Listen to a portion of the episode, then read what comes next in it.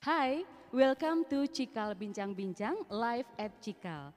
Cikal Bincang-Bincang live at Cikal adalah segmen terbaru dari Cikal Bincang-Bincang podcast di mana kami mengundang Cikal team member, baik itu guru maupun staff, untuk berbagi praktik baik yang pernah dilakukan selama berada di Cikal. Kali ini ada saya, Reni, marketing sekolah Cikal Surabaya, yang akan menjadi host di episode kali ini. Hari ini kita akan membahas mengenai musik dalam profesi dan karir. Kalau kita mendengar kata musik, tentu sebagian dari kita mengaitkan pada sosok artis, musisi, penyanyi ya, begitu yang kita bayangkan. Nah, mereka ini memang biasa menghasilkan karya lewat musik. Tetapi bagaimana kalau musik ini ada hubungannya dengan guru?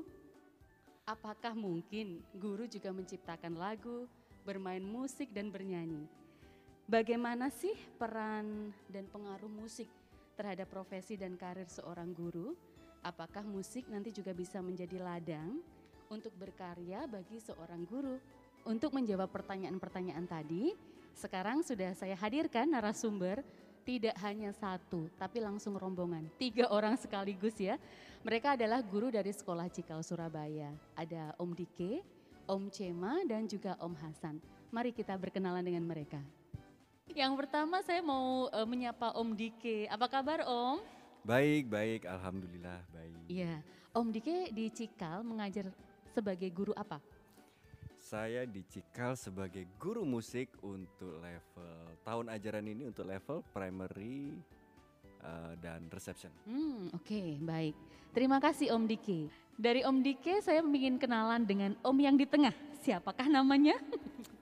Halo Teh. Halo. Ya nama saya Hasan, biasa dipanggil Pak Hasan atau Om Hasan. Oke, di Cikal mengajar apa Om? Kalau tahun ajaran ini ya, kebetulan saya mengajar di bahasa dan sastra Inggris di level primary dan middle school high school. Waduh, komplit ya dari level primary sampai SMA. Ya, alhamdulillah. Oke, baik. Terima kasih Om Hasan. Sama-sama. Nah, ini yang terakhir tamu kita hari ini. Ada Om Cendra. Kalau saya sih panggilnya Om Cema ya. Om Cema, apa kabar? Baik, baik alhamdulillah baik. Oke. Ini aktif bikin YouTube juga ya? Iya. Di Cikal ngajar apa Om? Di Cikal uh, untuk tahun ini pegang visual art untuk primary dan juga ada social studies, ada juga bahasa Indonesia dan ada painting juga. Wow. Iya. Bahasa ke painting ke visual art. Ya, dan Aduh. social studies juga. Dan social studies. Betul. Baik Om Cema, terima kasih. Nah, ternyata setelah kita tahu latar belakangnya, mereka bukan guru musik saja ya. Ada yang ngajar bahasa Inggris, visual art, social studies, bahkan bahasa Indonesia. Nah kira-kira apa sih manfaat musik yang menjadi hobi mereka dalam uh, pembelajaran? Apa yang mereka lakukan untuk memberikan sentuhan hobi mereka dalam uh, kegiatan belajar mengajar? Nah bisa cerita nih, siapa yang mau mulai cerita?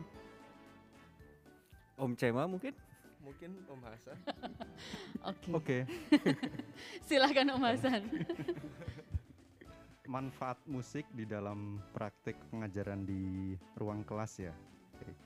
Uh, eh, banyak sekali tuh, banyak sekali. Kalau kita berbicara situasi offline sebelum pandemi, yang paling kerasa adalah saya percaya musik itu bisa menyiapkan mood siswa karena okay. ketika siswa berangkat dari rumah itu kita nggak pernah tahu sebelumnya mereka ada drama seperti apa di rumahnya. Okay, yeah, yeah. Bisa aja mereka tengkar dengan kakaknya, dengan mm -hmm. adiknya atau nggak mood dengan menu makannya sehingga mm -hmm. moodnya kacau ketika membuka pintu kelas itu. Mm -hmm. Nah di situlah begitu mereka buka pintu jebret langsung disuguhi dengan uh, playlist lagu yang adalah dari mereka dan teman-teman mereka. Wah Jadi seru ya. Jadi kalau ada playlist maksudnya mereka yang menyiapkan Om Hasan kemudian mereka memilih begitu? lebih tepatnya mereka yang milih. Jadi siapa pun mm. yang datang, 8 atau 10 anak pertama mm -mm. boleh langsung ambil spidol dan menuliskan lagu yang ingin diputar di pagi ini gitu. Wah, ya ya ya ya. Ini bisa mengubah mood karena memang musik itu bisa mengubah mood kita yang sedih jadi gembira atau sebaliknya sebenarnya.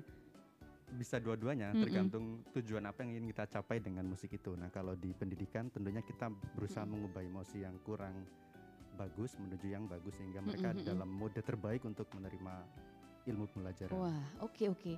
kayaknya ini cuma di Cikal ya. Pagi-pagi diajak nyanyi gitu guru eh, muridnya bahkan bisa pilih lagu sendiri. Nah, ada yang ingin ditambahkan Om Diki? Ya kalau terkait pilih lagu itu eh, dulu tahun ajaran sebelum pandemi itu, Mm-mm. ketika saya ngajar di level middle school itu memang saya memberikan apa memberikan setiap murid untuk eh, pilih playlistmu dan akan diputar di kelas musik. Jadi di Oh. 10 menit pertama kita akan memutar eh, musik-musik yang menjadi favorit mereka. Mm-mm. Nah, yang menarik adalah eh, tujuannya dulu agar mereka itu bisa menghargai keinginan eh, apa selera teman yang lain, Mm-mm. sehingga mereka bisa eh, oh ternyata ada musik seperti ini ya yang Mm-mm. sebelumnya belum pernah di mereka perdengarkan. Nah, bahkan mereka eh, saya buat survei untuk mensurvei para guru-guru gitu, Mm-mm. apa sih musik favoritnya guru-guru agar juga mereka tahu bahwa ternyata musik itu luas dan musik itu tiap orang memiliki em, selera yang berbeda dan Ya. harus kita hargai. Oke, jadi menumbuhkan empati, saling menghargai juga bisa lewat musik. Nah, tadi yang menariknya eh, ini membuat siswa lebih mood belajar gitu ya. Nah, boleh nggak diceritakan pengalaman di kelas yang ditemui ketika anak-anak diajak menyanyi? Apa sih reaksi mereka atau respon mereka, Om Cima? Nah kebetulan eh, saya juga ingin berbagi pengalaman di sini. Kebetulan tahun lalu itu saya pegangnya ini untuk kakak-kakak ya kelas kakak-kakak. Mm-mm. Jadi kebanyakan ya memang anak-anak yang masih belum eh, punya apa kesadaran untuk mengatur emosi seperti itu. Iya.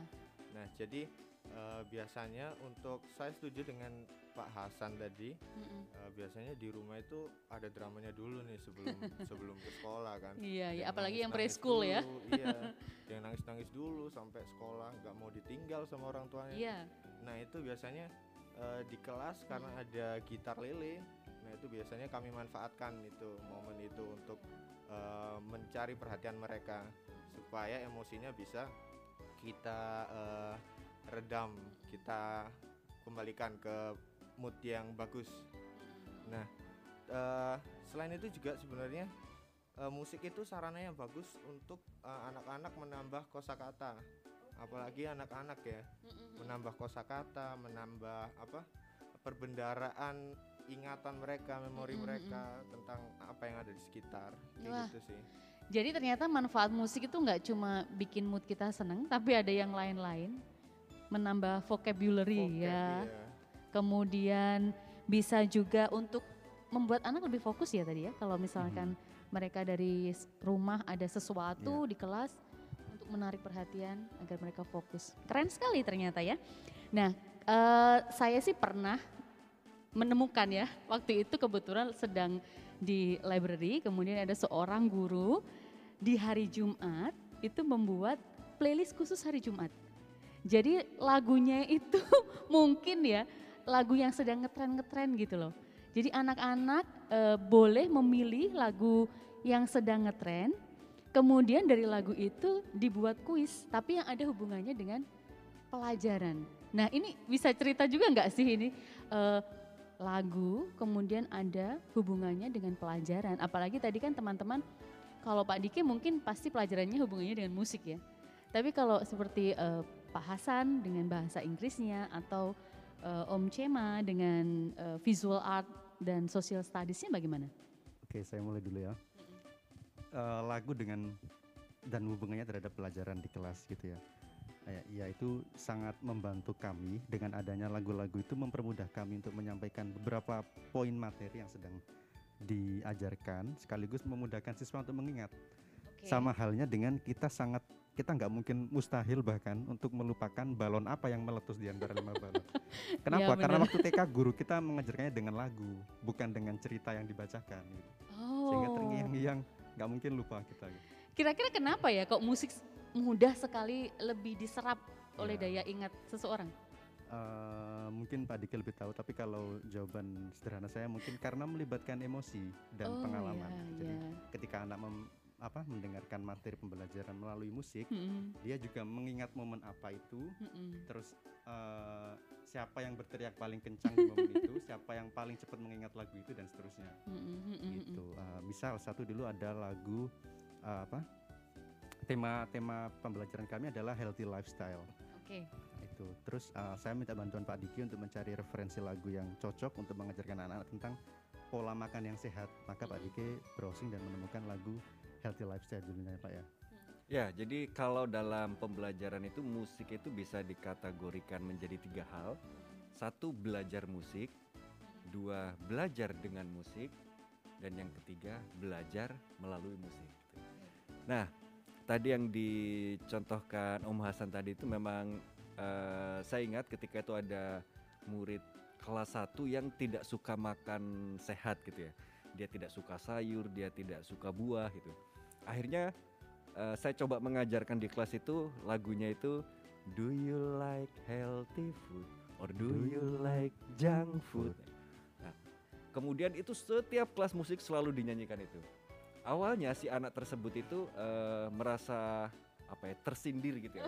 Jadi dia nggak Iya. mau nggak mau nggak mau nggak mau Iya, mau gitu. dengerin Nah, lagunya. nggak mau dengerin lagunya.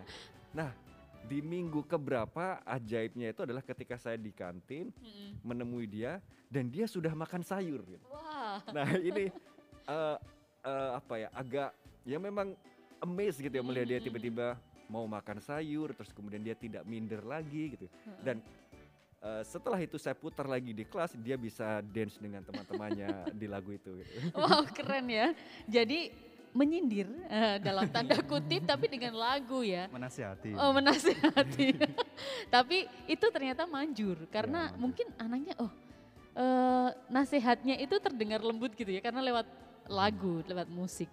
Nah ini kalau eh, saya amati teman-teman kan juga sering tuh membuat lirik tersendiri, membuat lirik yang disesuaikan dengan kondisi kelas. Misalnya kayak Om Dike ya, membuat lagu yang eh, kayak mengajak untuk eh, memulai kelas gitu ya, untuk mengajak berkenalan gitu.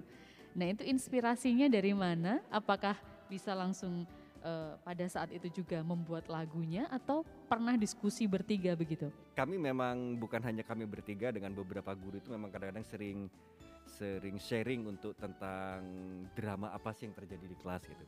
Drama-drama seperti apa? Seperti tadi Om Hasan share tentang drama tentang uh, mood siswa ketika masuk kelas ternyata itu unpredictable nah gitu. Nah, berangkat dari situ kemudian kita mencari apa mencari solusi dan karena misal saya basicnya musik saya mau kalau di jalur musik apa yang bisa dicapai ya di sini gitu. Nah, salah satunya memang kalau eh, kelas itu dimulai dengan gembira, maka ke sananya itu jadi lebih enjoy gitu. Nah, akhirnya jadi ada lagu misal hello hello how are you. Nah, gitu. Jadi itu kalau bahkan versi online seperti ini eh, hanya dinyanyiin itu anak-anak sudah joget kegirangan itu udah. Sudah hafal dengan lagunya, Iya, sampai sudah familiar dan- gitu ya? dan tadi apa tadi siang itu ketika di ending itu saya tidak putar musik tiba-tiba oke eh, kelas zoom saya tutup ya gitu Wah, langsung tiba-tiba itu anak kelas 1 oh musiknya mana? Musiknya mana? Itu. Karena saat itu saya tidak pakai laptop jadi pakai eh, apa eh, iMac sekolah. Jadi wah musiknya harus cari di mana ini? Akhirnya udahlah dikasih musik. Mereka jadi lebih meninggalkan kelas itu jadi ada kesan. Nah kalau tadi kan ceritanya ini eh, anak le- SD gitu ya, kemudian eh, TK, preschool. Nah ini kalau untuk anak-anak yang tadi, untuk eh, junior dan high school, seefektif apa sih musik itu? Mungkin Om Hasan karena Om Hasan memegang eh, sampai SMA ya. Mhm.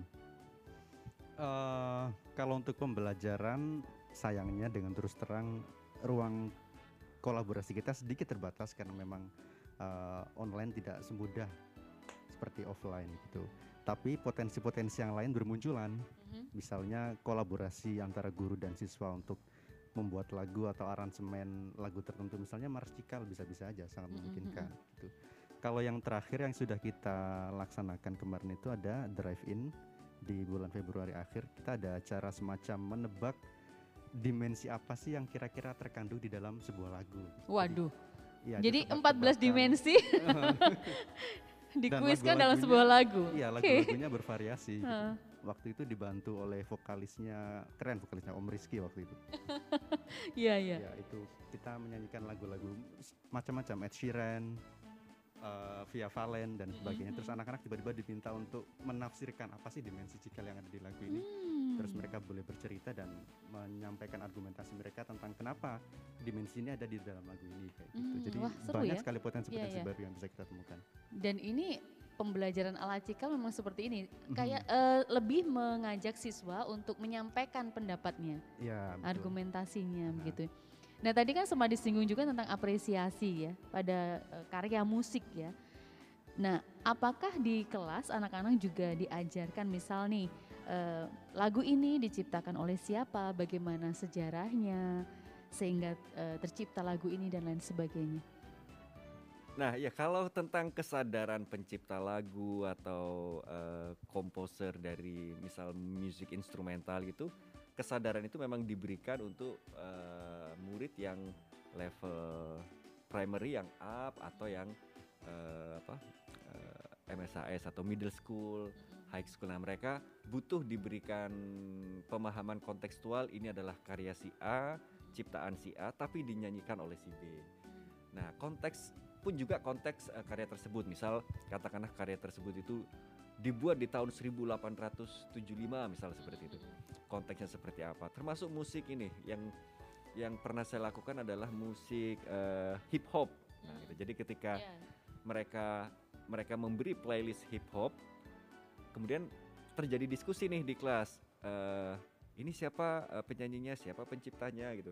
Apakah ada bad word misal seperti itu. Kemudian kenapa sampai liriknya seperti itu. Nah, itu akhirnya jadi mereka punya pemahaman konteks, tidak hanya sekedar eh, apa ya, eh, Mendengarkan mendengarkan gitu ya. menyanyikan Mm-mm. saja gitu, tapi punya pemahaman eh, di balik karya itu seperti apa. Tapi itu memang untuk level eh, up atau level kalau primary SD ke atas gitu, MSHS gitu. Mm-mm. Bahkan eh, misal saya juga pernah memutarkan lagunya Cema gitu kepada anak-anak gitu. Eh ini lagu guru-guru kalian loh. Nah gitu. Ini ini lagunya Om Hasan loh guru-guru kalian. gitu. Jadi kalau untuk anak-anak level eh, primary lower primary mereka itu senang ketika gurunya itu adalah eh, apa ya? Pencipta ah, gitu bisa ya. menjadi eh, idola bagi mereka itu. Karena Iya karena- benar-benar. karena saya punya pengalaman unik yang tidak saya sadari, eh, tidak saya duga gitu ya ketika di library itu saya didatangi murid kelas 1 perempuan kemudian dia kenalan dengan saya itu hello Om Dike gitu.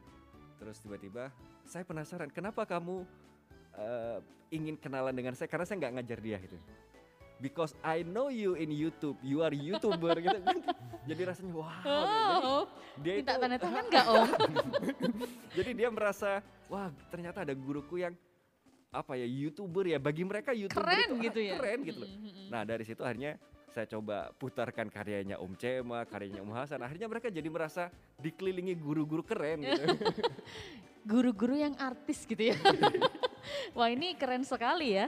Jadi anak-anak itu lewat musik bisa juga tumbuh kebanggaan memiliki seorang guru gitu ya. Tidak hanya eh, kadang kan anak-anak juga butuh sosok yang diidolakan. Namanya anak-anak masih eh, sekolah begitu, butuh sosok figur yang bisa diidolakan dan pasti ini berat nggak sih Om? Jadi idola itu kan jadi harus apa namanya eh, menjaga segalanya begitu. ya jadi Ya. kalau di sekolah itu idolanya adalah guru-gurunya, di Mm-mm. rumah idolanya ada orang Mm-mm. tuanya. Di luar itu mereka punya idola di dunia maya. gitu. Mm-mm, mm-mm. Nah, kalau kita bisa masuk ke sana kan kita jadi bisa setidaknya eh, apa ya bisa menyuntikkan hal-hal yang positif, hal-hal Mm-mm, yang mm-mm, eh, tidak random mereka cari gitu. mm-mm. Oke. Om Iya. Cema mau menambahkan? Eh, untuk bebannya sendiri tuh sebenarnya eh, nggak terlalu beban ya, tapi justru lebih ke senang karena bisa eh, menjadi sosok yang mereka bahkan bikin mereka bangga gitu. Karena jujur pernah juga waktu kelas eh, kelas bersama itu di kelas kecil itu Iya. justru eh, beberapa murid itu langsung eh, menuju ke komputer nyalain nyalain YouTube terus puter lagu saya langsung tanpa saya minta malah terus Mereka sudah iya. sadar ya. terus akhirnya eh, mereka malah bangga kayak eh, wah Pak Cema artis Pak Cema artis gitu saya sih cuman amin aja lucu sih lebih Lucu ya. sebenarnya. Lucu lucu. Wah ini luar biasa loh dampak dari cuma hobi musik bisa digunakan di kelas dan mendukung karir di guru gitu ya. Karena guru ini kan juga digugu, digugu dan ditiru ya. Ternyata lewat musik bisa anak-anak itu bisa apa ya menerima nasihat dengan baik, menerima materi dengan baik. Nah pernah nggak sih ketemu sebuah eh, kasus begitu atau eh, di kelas gitu ya, ada anak yang mungkin eh, dalam satu materi pelajaran itu agak kurang, tapi kemudian terbantu ketika materi itu eh, dihadirkan lewat musik atau mereka diajak dulu bernyanyi. Saya yakin sebenarnya banyak Mm-mm. gitu. Nah, di antaranya adalah eh, pernah ada satu tema pembelajaran waktu itu adalah eh, Earth Resources atau sumber daya alam itu. Jadi salah satu tema yang kami tanamkan adalah bagaimana kita bisa menghemat energi. Nah, itu ada beberapa siswa yang eh, jadi gini, kalau di Cikal itu kan dulu kita ujiannya bisa bisa kita beri pilihan kepada anak-anak untuk bagaimana mereka mau mengekspresikan pemahaman pembelajaran mereka begitu kan bisa dengan poster, komik, drama dan sebagainya. Tiba-tiba ada dua siswa yang kebetulan waktu itu masih bingung ingin ngapain gitu. Nah, eh, setelah konsultasi dengan Pak Diki di antaranya terkonfirmasi bahwa mereka sebenarnya bisa nyanyi gitu. Ya sudah Oke. coba saya dekati, saya arahkan mereka ke, ke menuju aktivitas bernyanyi. Jadi saya minta, oke kalau gitu coba sekarang tuliskan apa aja yang kamu pahami. Nanti kita sama-sama bertiga membuat lirik saya dan mereka berdua gitu. Terus mereka nulis lirik lumayan panjang, itu surprising sih karena masih kelas 1, 1 SD. Setelah cukup banyak untuk dijadikan sebagai materi lirik lagu ya sudah, coba saya acak-acak sedikit terus jadi lagu yang judulnya hemat energi gitu Waduh. itu di luar dugaan itu ternyata kan ini kita tampilkan di assembly yang dihadiri oleh parents juga Mm-mm. alhamdulillah responnya positif gitu Wah. karena itu waktu kita latihan itu hampir tidak diketahui oleh banyak orang gitu jadi Hmm. semacam kejutan di hari H gitu. Wah, jadi dari yang nggak tahu, Hmm. jadi malah menciptakan sebuah lagu ha. dengan tema pembelajaran ya yang cocok Hmm, gitu ya. Nah, Kalau dari cerita teman-teman, sepertinya tadi itu porsi musik di Cikal ini kan eh, bisa dikatakan eh, sama gitu dengan program-program yang lain. Mungkin di beberapa tempat musik itu apa sih kan cuma nyanyi aja gitu. Tapi di Cikal ini kan porsinya sama. Sebagai orang yang hobi bermusik, bagaimana pendapatnya?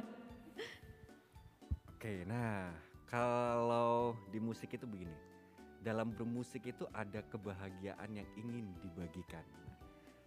Nah, di satu sisi, coba kalau kita refleksi dalam sehari 24 jam, kita bandingkan porsi kebahagiaan kita, porsi kesedihan kita, dan porsi flat kita itu, porsi yang eh, saya tidak bahagia, tidak sedih, jadi eh, netral gitu. Ternyata eh, dalam beberapa penelitian itu porsi kebahagiaan itu paling sedikit dalam sehari. Artinya orang itu memang mencari kebahagiaan karena paling sedikit. Nah, musik mampu menjadi media untuk berbagi kebahagiaan. Nah, itu sebab eh, kenapa m- melalui musik yang yang tidak banyak orang menyadari eh, dalam dunia pendidikan ya. Padahal kita bisa memanfaatkan musik itu eh, bukan hanya untuk fun, untuk senangnya saja tadi, tapi ternyata itu bisa apa memberi kenangan yang melekat hingga bertahun-tahun gitu. Mm-mm, Nggak Eh, mudah hilang gitu ya? Betul. Nah, Mm-mm. saya pernah dicurhati Om Hasan itu, Om Hasan itu hafal 25 nabi dihafalkan. Mm-mm. Kalau kita disuruh menghafal nama 25 itu puyeng. sampai gitu. 25 nggak mungkin hafal ya, Tapi susah. se- setelah melalui musik Mm-mm. 10 20 tahun ke depan itu bisa hafal gitu. Nah, Om Hasan salah satu contohnya kalau mau menyanyi 25 nabi. Langsung hafal ya. Nabi Adam, 25 Nabi Muhammad. paling gampang ya dia dan akhir. Ternyata lagunya begitu aja ternyata. Wah, jadi memang ya itu itu memang saya akui juga sih kalau kita menghafal se- sebuah lagu itu akan lebih mudah. Dan kalau sesuatu dilagukan itu sangat mudah dihafalkan dan lebih melekat awet gitu ya hafalannya ya. Nah, ini kalau eh, boleh cerita lagi nih, kan di Cikal ini juga ada program inklusi ya.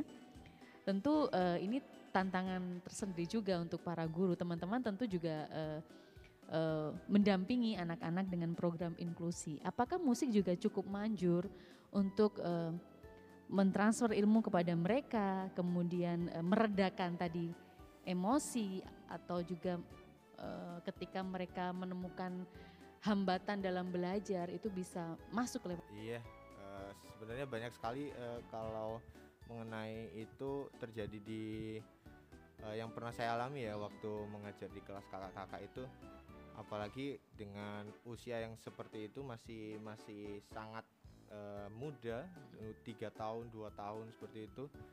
Nah, musik itu sebenarnya sangat membantu mereka karena eh, dengan mudah itu mereka bisa menghafal tidak hanya eh, kosakata, tidak hanya eh, nyanyian, tapi juga gerakan. Bahkan musik waktu itu pernah saya gunakan sebagai salah satu eh, eh, media, media untuk menyampaikan tema-tema yang ada di kelas. Jadi mis- misalnya tentang kebersihan, kita Mhm. mengajarkan mereka untuk eh, rajin mencuci tangan, menggunakan sabun, cara mencuci tangan yang baik dan Mhm, benar mhm. seperti itu. Mm-mm. Nah untuk anak-anak inklusi eh, sebetulnya eh, akan sedikit kesusahan jika kita hanya memberikan contoh. Mm-mm. Tapi dengan lagu kita mengajak mereka untuk menyanyi, memperkenalkan lagunya terlebih dahulu. Lalu kita eh, ajak menyanyi bersama, terus kita eh, contohkan gerakannya seperti apa dengan lagu. Otomatis mereka akan akan lebih respon, lebih respon dengan cepat sebenarnya. Itu sering terjadi di kelas saya waktu setahun yang lalu. Oke, ada yang mau ditambahkan Om Hasan?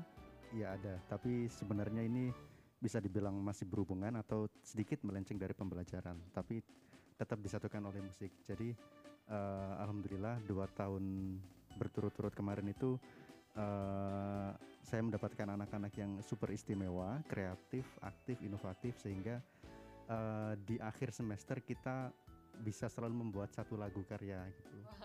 Iya, liriknya ada yang ada yang eh, 80% dari mereka, ada yang 80 kadang ada yang 80% dari gurunya atau 50-50 kayak gitu. Intinya kita melibatkan semua pihak dalam prosesnya. Terus ketika selesai, eh, ketika kita tanya ke anak-anak satu persatu, hampir semuanya eh, merasakan senang gitu. Yang nggak senang itu yang yang pas di hari H, di hari bikin lirik dia pas nggak masuk kayak gitu. Nah itu itu. Tapi overall kita sangat eh, menikmati momen-momen seperti itu dan kalau kita merefleksikan diri kita masing-masing itu kan kita nggak mungkin mampu mengingat semua momen yang kita lalui di setiap level pendidikan gitu. Pendidikan, ya. Misal, eh Tereni nggak mungkin ingat apa dulu kenangan waktu SD tiba-tiba disuruh menuliskan semua kan nggak mungkin. Kita cuma bisa milih sedikit saja. Dan yang kita pilih biasanya hanya dua antara yang paling sakit atau yang paling menyenangkan. Tapi kalau ditanyain oleh teman dari sakit dan yang menyenangkan yang kita sampaikan pasti yang menyenangkan.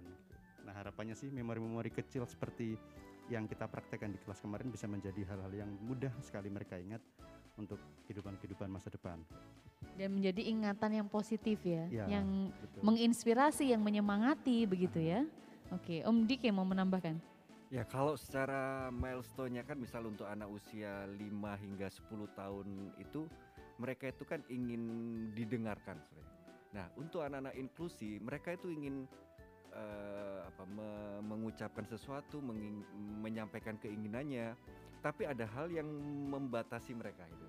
Nah, tadi dengan cara-cara oke ditulis dulu gitu. Kadang-kadang ditulis atau digambar itu mereka jadi punya saluran untuk mengekspresikan. Tapi kalau ini hanya menjadi sebuah naskah tulisan saja, jadi sia-sia gitu. Akhirnya kadang-kadang kita kemas menjadi musik. Nah, mereka jadi pernah punya memori bahwa aku dulu pernah berhasil mengatakan ini gitu. Hari terus jadi lagu dan itu akan menjadi sebuah itu tadi kenangan indah yang akan dibawa uh, sampai kapan pun gitu.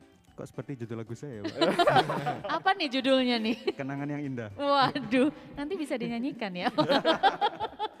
Wah keren ini. Jadi kenangan indah ini. Saya saya uh, mengambil benang merahnya itu kenangan indah. Musik sama dengan kenangan indah. Nah kalau tadi teman-teman sudah bercerita banyak sekali bagaimana musik memberikan dukungan yang menurut saya sih spesial ya dalam proses pembelajaran di kelas. Nah sekarang uh, ke karir teman-teman dalam bidang musik ya. Ini kan Om Dike dan Om Hasan tergabung dalam satu band gitu ya.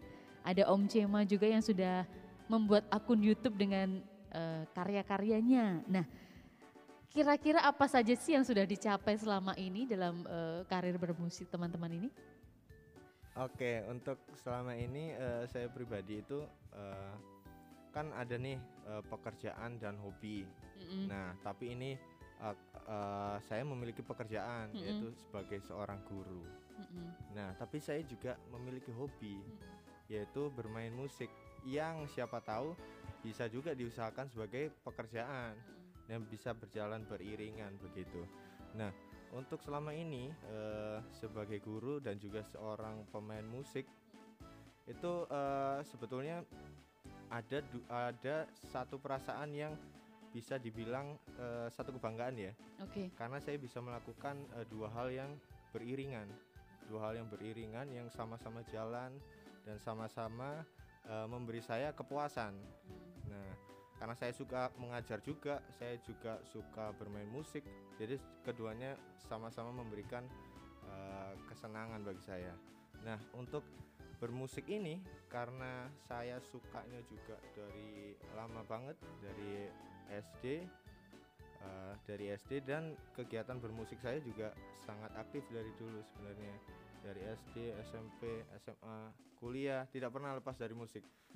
Jadi dari situ saya juga uh, perlahan belajar sedikit banyak, sedikit banyak melalui proses penulisan lagu, penulis proses produksi lagu, gimana sih cara mengaransemen, cara memasukkan lagu ke dalam uh, perangkat digital yang okay. sekarang yaitu komputer mm-hmm. atau laptop.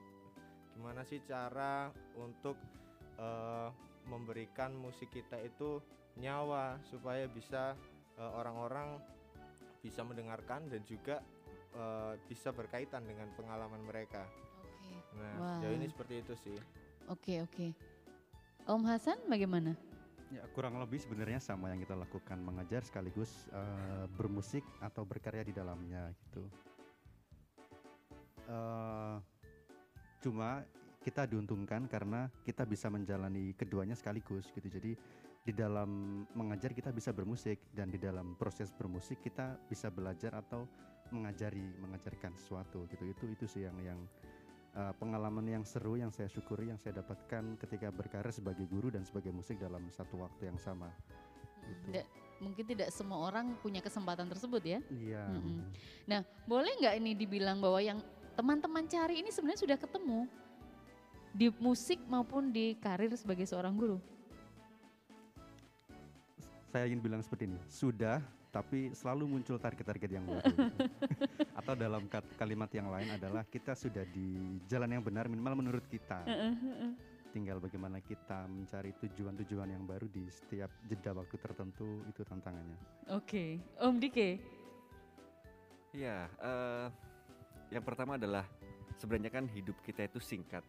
Kalau hanya untuk dilakukan atau dihabiskan untuk hal-hal yang justru membuat kita tidak bahagia tadi gitu. Nah, kalau kita bahagia sebagai uh, berkecimpung di dunia musik, maka kita melakukan itu. Kalau kita bahagia di dunia pendidikan menjadi guru, maka saya melakukan itu. Nah, kalau saya bisa bahagia di keduanya, maka saya melakukan itu gitu. Jadi, saya pikir uh, karir kalau kalau uh, karir di bidang musik di bidang musik kalau secara spesifik justru saya berangkat dari uh, saya berkarya musik, kemudian saya pentaskan di berbagai tempat.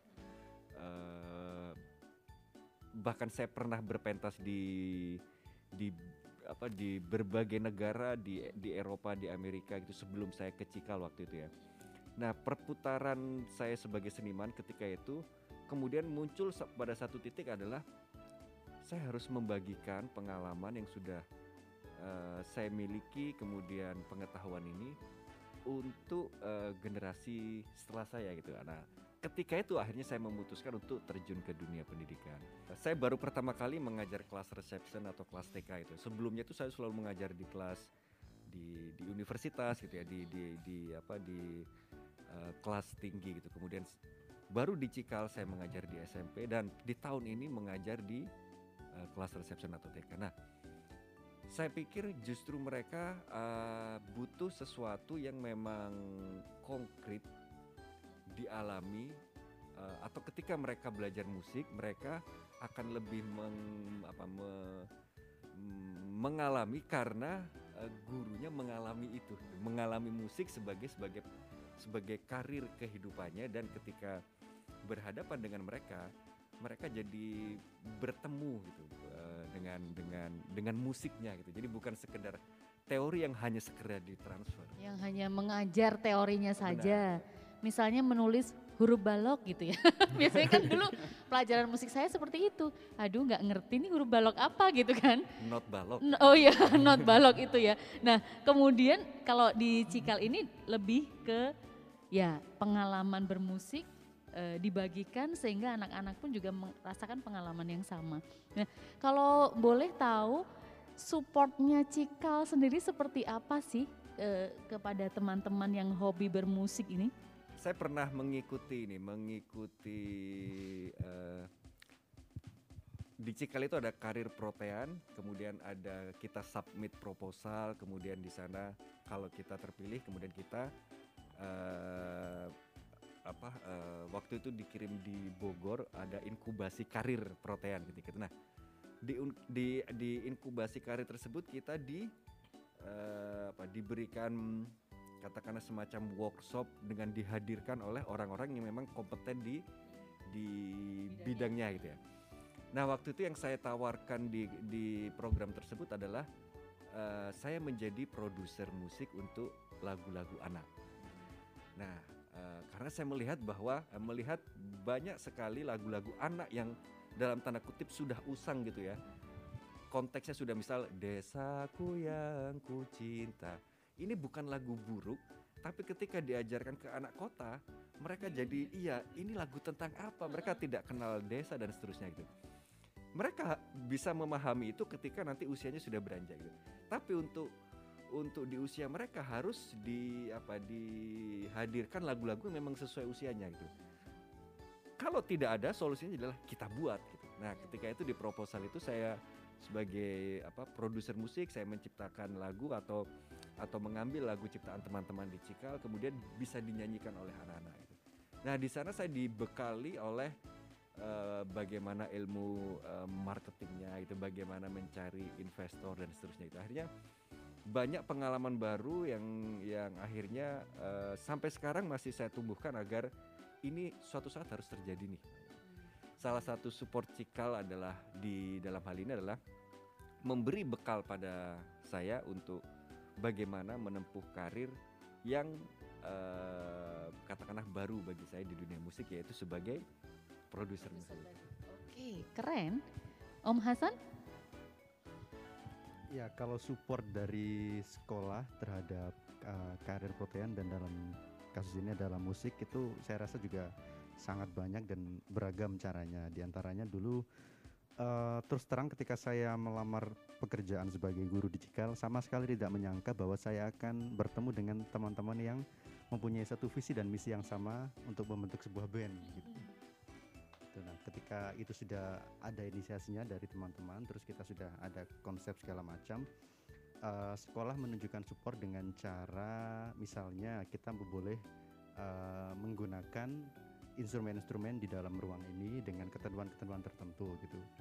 Eh, lalu kita juga eh, kerap kali diminta untuk mengisi acara-acara staff day baik di site Surabaya maupun puncaknya adalah di TPN 2018 ya Pak di Gor Ciracas di Jakarta. Itu. Lalu ada lagi bentuk support berupa uh, pembuatan video klip dari single pertama GBN, Aku Guru, ada di YouTube. Itu juga dulu difasilitasi oleh sekolah gitu. Bahkan uh, yang terbaru kita membentuk sebuah komunitas musik yang bernama Cikal Palapa yang ada Terini juga di dalamnya. ya di situ adalah wadah di mana kita bisa saling belajar dan mengajari dan bersenang-senang dengan musik gitu. Iya bisa berlatih. Ternyata supportnya luar biasa ya. Luar Om biasa. Cema, Nah, kalau dari saya sebenarnya uh, saya merasa beruntung sebetulnya uh, bisa ngajar di sekolah yang juga mensupport uh, hobi uh, para pekerjanya. Di sini juga uh, salah satunya adalah musik.